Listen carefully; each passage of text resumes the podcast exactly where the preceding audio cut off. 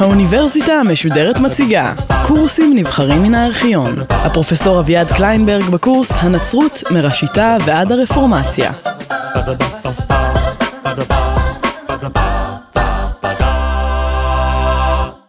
בשיחות קודמות ראינו כיצד הפכה הנצרות לדת ריכוזית יותר ויותר, הנשלטת על ידי האפיפיורות. במאה ה-14 החלו בכנסייה תהליכי פיצול ומשבר עמוק, ממנו לא התאוששה עוד. החלום של אירופה מאוחדת, באמונה אחת, תחת מנהיג אחד, החל להישבר במאה ה-14. הכל מתחיל בעצם בדבר טריוויאלי. בסוף המאה ה-13, ב-1292, מת האפיפיור ניקולס הרביעי, ובמשך שנתיים חבר הקרדינלים, הקולגיום של הקרדינלים, לא מצליח למצוא לו מחליף. יום אחד מופיע שם נזיר קדוש מהרי האברוצי, נזיר בשם פייטרו מורונה. אדם זקן, בשנות ה-80 שלו, חי לו במין אזור כפרי כזה, מחולל ניסים מקומי, והוא בא לנזוף בקרדינלים על זה שהם מעיזים להניח את הכנסייה זמן רב כל כך ללא רועה, והצאן זקוקות הרי לרועה יותר מכל דבר אחר. באקט חסר תקדים ומדהים, חבר הקרדינלים מתכנס ובוחר בנזיר הזה עצמו לאפיפיור, האפיפיור צ'לסטינוס החמישי. עכשיו, לפעמים כאשר אני מנסה להסביר uh, לתלמידים שלי מה המשמעות של הבחירה של צ'לסטינוס החמישי לאפיפיור בתחילת, ה, בסוף המאה ה-13, אני משווה את זה, נגיד שהיו לנו בוחרים את, את הבבא סאלי ליושב ראש חבר המנהלים של IBM International. אז אנחנו מדברים באמת על, על משהו מדהים, אז אנחנו מדברים על אדם שהוא כמעט אנאלפבית, על אדם שאיננו דובר לטינית, על אדם שהניסיון שלו בהנהגה הוא כמעט לא קיים. זאת אומרת, בעצם לא הנהיג ממש חבר של אנשים, שאינו בקיא בכלל בהלכות העולם הזה, ולפתע הוא צריך לפקח על מנגנון עצום, על מנגנון שעכשיו, בסוף המאה ה-13, הוא כבר באמת קונצרן בינלאומי. מנגנון שמביא אליו, שמרכז אליו תביעות וערעורים מכל רחבי אירופה, שמגיעים אליו כספים, שצריך לנהל כספים ומדיניות ותכתובת ענפה, והאדם הזה אמור להיות עכשיו המנהיג. עכשיו, כשלעצמו, זה שאנשים בוחרים מפעם לפעם מנהיג לא ראוי, או מנהיג שלא מתאים לתפקיד שלו, איננו תופעה מדהימה. בעצם, לעיתים קרובות, אנשים בוחרים מסיבות לא ענייניות את המנהיג. אבל למה הם, הקרדינלים המלוך, הממולכים, הבקיאים, המשופשפים, שכולם פוליטיקאים, למה האנשים האלה בחרו אותו? איך החבר המנהלים של IBM International הגיע לבחירת הבבא סאלי? השאלה הזאת היא, היא שאלה הקשורה בציפיות, הקשורה באיזשהו מקום בתחושה של אה, חברת ימי הביניים המאוחרים, של אה, סוף המאה ה-13, מן התחושה של משבר ואכזבה. ולמשבר ואכזבה יש כוח עצום משלהם. הם יוצרים איזושהי תחושה של ציפיות אסכטולוגיות, של ציפיות למישהו שיושיע את החברה. למה בעצם אכזבה? לכאורה הכל בסדר. האפיפיורות מצליחה מאוד, האפיפיורות מתעשרת, היא מצליחה לחסל את אמינות באמצעות האינקוויזיציה. באופן עקרוני אפשר לדבר על האפיפיורים כאל אנשים שהם יותר אה, מלומדים ממה שהיו האפיפיורים הקודמים, שאין סקנדלים נוראים ואיומים בתוך האפיפיורות. אבל כל זה לא מצליח לעמוד בציפיות שיצרה אה, תחילת המאה ה-13, בציפיות הקשורות למשל אה, במסדר הפרנציסקני, בתחושה שפרנציסקוס אכן היה ישו נוסף, ושעכשיו איכשהו הכל צריך להסתדר, שעכשיו ההצלחה האדירה של המסדרים המנדיקנטיים ייצרו חברה שהיא טובה יותר, שהיא נקייה יותר, שהיא טהורה יותר. אבל החברה איננה הופכת להיות נקייה יותר וטהורה יותר. החברה איננה מצליחה לעמוד בציפיות של עצמה. הניסיון של הקרדינלים הוא מצד אחד ניסיון לבחור במועמד של פשרה, אדם זקן שלא יחזיק מעמד הרבה זמן, ושנוכל בינתיים לבחור מישהו אחר. אבל מצד שני הוא איזשהו ניסיון של הקרדינלים להגיד, אם פעם אחת, אם פעם אחת נבחר באמת אדם ראוי, על פי האמונה העברית, אם פעם אחת יקיימו כל ישראל את השבת, מיד יבוא משיח. אם פעם אחת נבחר את האדם הראוי, אולי אז באמת יקרה הנס של מה שכל הזמן המטיפים והמיסטיקאים אומרים לנו, ש... אנחנו נצליח להשתחרר מהכבלים של הרכוש, של ההצלחה, של, ה, אה, של הממסדיות. התוצאה היא קטסטרופה. התוצאה היא קטסטרופה. צ'לסטינוס החמישי איננו מצליח להסתדר, הקרדינלים לועגים לו, הוא לא מבין מה הם אומרים, הוא לא אדם שמסוגל לה, להסתדר עם אה, באמת מנגנון כל כך מסועף ונרחב, והוא מוצא את עצמו מהר מאוד ככלי שרת בידי היועצים השונים שלו, בעיקר רובר מאנז'ור, אה, אחד המלך נפולי. גרוע מזה, תוך כמה חודשים הוא מגיע למסקנה שהוא פשוט לא יכול לעמוד בזה. הוא מתגעגע להרים שלו, הוא מרגיש כלוא בתוך הקוריה, והוא מתפטר. מתפטר, שוב דבר שלא קרה עד אז. לא קרה אף פעם, האפיפיור לא אמור להתפטר. האפיפיור זה דבר שאתה נבחר עליו בהשראת רוח הקודש ואתה נשאר בו עד יומך האחרון. התחושה הזאת של נפילה, של ציפיות גדולות ושל נפילה מאיגרא רמא לבירא עמיקתא, אה, היא תחושה קשה שבעצם יוצרת ניסיון אה, בתוך הכנסייה לראשונה ליצור כאין אה, תיאורטיזציה של המשבר. ליצור כאין תיאורטיזציה שתסביר איך משהו כזה יכול היה לקרות. כי מה שקורה הוא לא רק אה, התפטרותו של האפיפיור, דבר שערורייתי כשלעצמו, אלא ראשית, בשלב הראשון, בחירתו של אה, מישהו שהוא ממש האנטיתזה, הקרדינל הכי ממולח, הכי מושחת, הכי אה, איש העולם הזה, אה, בוניפציוס, בוניפציוס השמיני. בוניפציוס השמיני חי עדיין במידה מסוימת באשליה שהוא יוכל אה, לחיות או יוכל לצוות אה, על הרשויות החלוניות ועל הכנסייה כפי שעשו קודמיו. אבל העולם הזה השתנה, והוא צריך להכיר, כפי שהוא איננו עושה, בעובדה שהאכזבות הנוראות אה, לאחר כהונתו של צ'לסטינוס החמישי אה, יוצרות תחושה שהכנסייה היא אה, גוף מסורבל, רקוב, מושחת. ולא משום שהאפיפיורים מושחתים יותר מקודמיהם, אלא משום שהציפיות גדולות מדי, והציפיות לא יכלו להתגשם. באיזשהו סכסוך בינו לבין מלך צרפת, פיליפ היפה, האפיפיור מחרים את, את מלך צרפת, ומלך צרפת שולח את אנשיו לעצור את, לעצור את האפיפיור. לעצור את האפיפיור משום שהאפיפיור הוא מין על פי טענתו של, אה, של מלך צרפת, משום שהאפיפיור הוא בעצם אפיפיור לא לגיטימי, כי ההתפטרות של אה, קודמו לא הייתה חוקית, משום שהוא הומוסקסואל, משום שאצל מלך צרפת, כאשר הוא כבר מאשים, הוא מאשים כבר בכל האשמות, פחות או יותר לפי סדר האלף-בית, כל דבר שעולה בדעתו. הוא שולח את אנשיו, ובראשם אחד מיועציו, אה, גיום דנו גרה, והם עוצרים את האפיפיור אה, בענני. האפיפיור נעצר רק לכמה ימים, תוך ימים ספורים האוכלוסייה המקומית אה, מתכנסת ומשחררת את האפיפיור. אבל מה שיותר משמעותי, שוב, כמו בעניין של בחירת אה, צ'לסטינוס החמישי, איננו העובדה שהאפיפיור נעצר. זאת אומרת, כל מיני מלכים מטורפים יכלו לנסות לעשות דברים כאלה גם בעבר, שהרי לאפיפיור אין דיוויזיות, לאפיפיור אין צבא משמעותי שיכול להגן עליו. העובדה שלא מתחוללת שערורייה איומה ונוראה, העובדה שארצות אחרות אינן קמות להסתער על מלך צרפת ולגנות אותו בכל פה, אלא העובדה הזאת עוברת בשלום, כמעט כדבר מובן מאליו. האפיפיור בוניפציוס השמיני אה, מת מהלם ומזעזוע זמן קצר לאחר המעצר שלו, והאפיפיור שנבחר, ממשיכו של אה, בנדיקטוס ה-11, קלמנט החמישי, גם העביר את הקוריה לאביניון. מעביר את הקוריה לאביניון, עיר שאומנם איננה כפופה ישירות למלך צרפת, אבל למעשה שנמצאת בהשפעתו החזקה. אה, ובמשך 70 השנים הבאות, החל מ-1308, יושבת הכנסייה, אה, יושבת הקוריה באביניון. אה, האפיפיורים, כולם, ללא יוצא מן הכלל, הם אפיפיורים צרפתיים, ובין אם זה נכון ובין אם זה לא נכון, והיסטוריונים אה, מודרניים טוענים יותר ויותר כי לא הייתה השפעה חד משמעית של הכתר הצרפתי על הפעולות של הקוריה, שמהרבה בחינות האפיפיורים של האביניון היו אנשים יותר יעילים ויותר מסודרים מן האפיפיורים שבאו לפניהם. אבל התחושה הציבורית היא שהאפיפיור הפך להיות פשוט נסיך שמושפע ממלך צרפת, שהאפיפיורות הפכה להיות כלי שרת בידי צרפת, ושאין לה עוד היומרה המוסרית להוביל את העולם, שהאפיפיור הוא בעל תפקיד, כמו בעלי תפקיד אחרים. הוא ממלא את תפקידו בצורה לא נורא מוצלחת, לפעמים בצורה יותר מוצלחת, לפעמים בצורה פחות מוצלחת, אבל לטעון שהאיש הזה הוא כמו שטען גרגורוס השביעי בזמנו, שכל אפיפיור הוא קדוש, ושכל אפיפיור באיזשהו אופן יש לו הזכות המוסרית להוביל את צאן מרעיתו, הטענה הזאת נעשית uh, פחות משכנעת. העניינים uh, נעשים מסובכים עוד יותר כאשר uh, נגלה הקרע בין האפיפיור יוחנן ה-22 לבין המסדר הפרנציסקני. הוויכוח מתנהל uh, בשאלת uh, העוני של ישו. והשליחים, ובשאלת העוני של המסדר הפרנציסקני. כיוון שזהו ויכוח uh, מאוד משמעותי, אני אקדיש לו כמה מילים.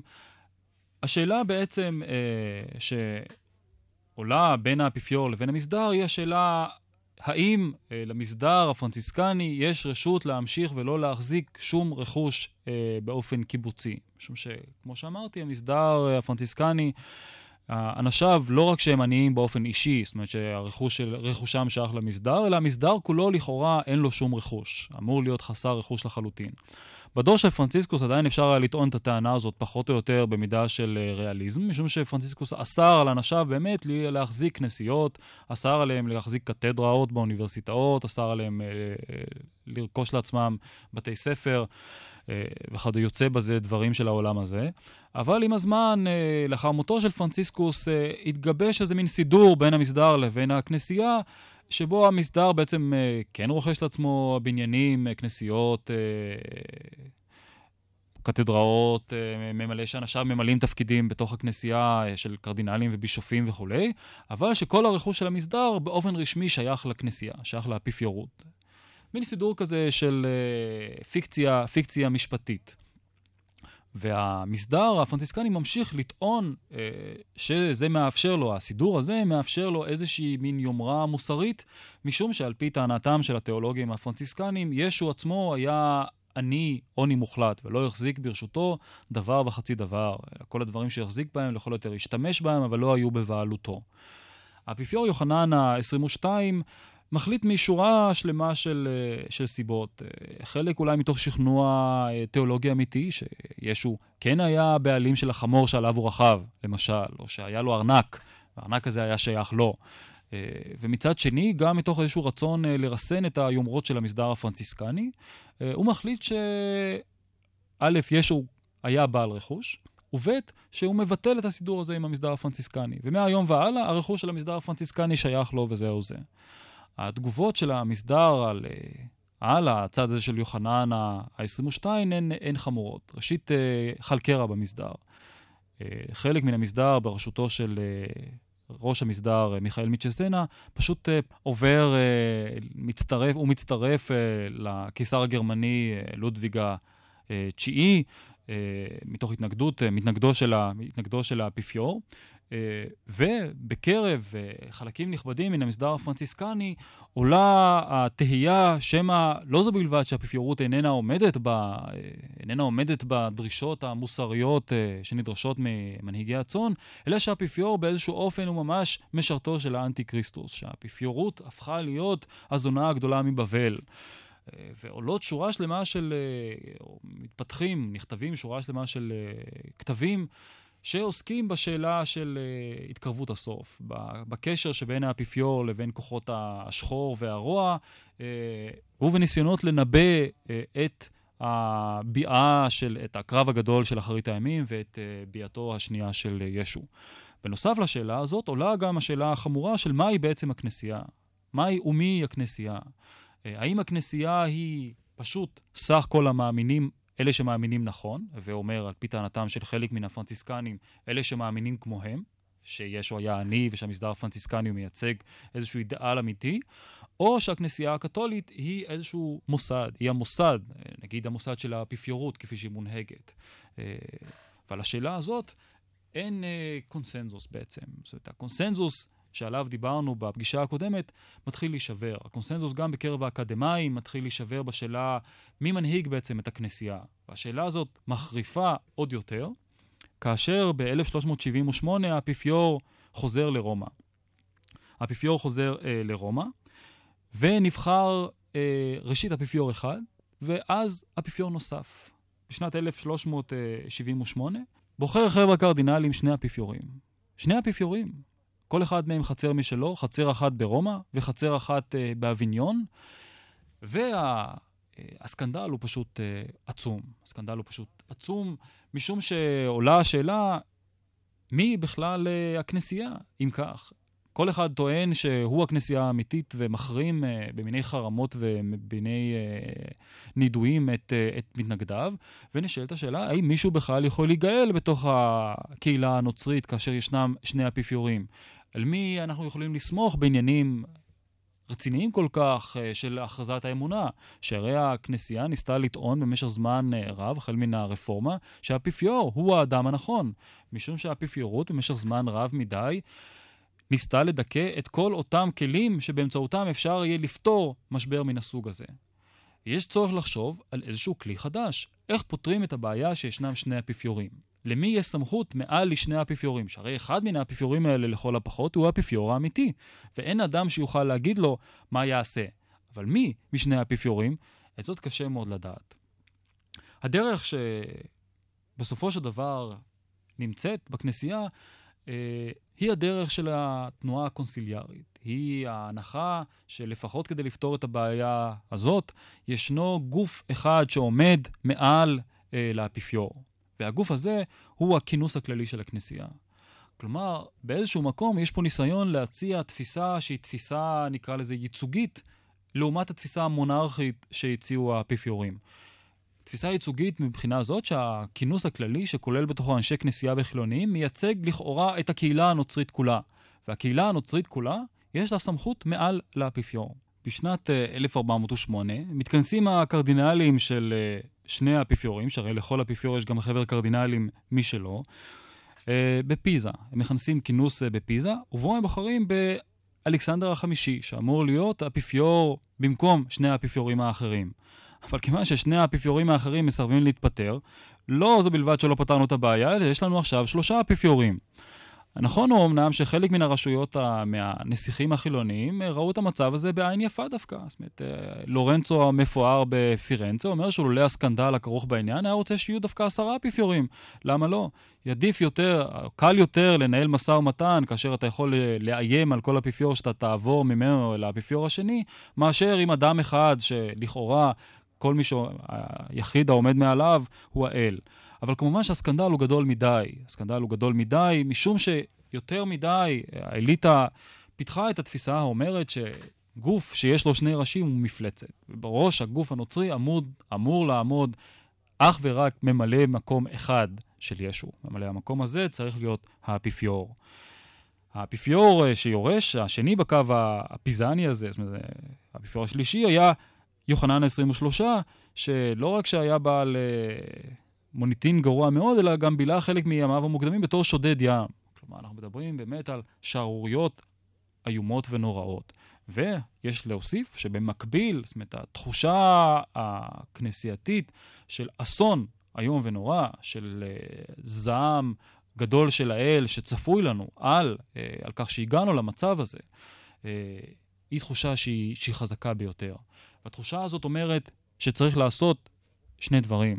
שא', יש לערוך רפורמה בכנסייה, שמשהו נורא השתבש בכנסייה כדי, uh, על מנת לאפשר לנו להגיע למצב הזה, ושאנחנו חייבים לתקן את הכנסייה uh, בז'רגון של אותה תקופה, הן בגוף והן בראש. הבעיה של הראש נפתרת יחסית uh, בשלום. בשנת 1415 מכונס uh, כינוס בעיר קונסטנץ, uh, תחת חסותו של... Uh, תחת חסותו של הקיסר uh, הגרמני uh, זיגיסמונד. הכינוס הזה, בנוסף לעובדה שהוא uh, מצווה על שריפתו של, של יאן הוס, גם מצליח סוף סוף לפטר את שני האפיפיורים, בעצם שלושת האפיפיורים האחרים, ולמנות אפיפיור של פשרה או אפיפיור של קונסנזוס, וזהו האפיפיור uh, מרטינוס החמישי, בשנת 1417. הקונסיל מצווה גם שמדי uh, פרק זמן יכונס uh, קונסיל אחר, משום שהוא באמת מעוניין uh, ליצור uh, כנסייה מונהגת על ידי כעין פרלמנט, על ידי גוף ייצוגי המייצג את הכנסייה כולה ולא מונרכיה. אבל הניסיון הזה נכשל. יש יותר מדי מסורת מונרכית, המסורת המונרכית, במילים אחרות, חזקה מדי בכנסייה מכדי שאפשר יהיה להיפטר ממנה. אמנם כל אפיפיור מבטיח, כאשר הוא uh, מתמנה לאפיפיור, uh, שורה שלמה של הבטחות, שהוא יעשה כך, שהוא יעשה אחרת, שהוא ינהיג רפורמות, uh, שהוא לא, יעשה, שהוא לא ימנה יותר מדי קרדינלים, uh, אבל uh, מן הרגע שהוא נבחר, uh, מי יגיד לו מה יעשה? וכל אפיפיור uh, מודיע שכיוון ש... Uh, מרגע הפיכתו לאפיפיור, אין הוא עוד מי שהיה קודם, והראיה הוא משנה את שמו והופך להיות מנהיג הכנסייה כולה, אין הוא חייב עוד uh, לבצע את מה שהתחייב לעשות קודם. ובכן, הניסיונות לעשות רפורמה בכנסייה כשלו. הניסיונות האלה לא עלו יפה.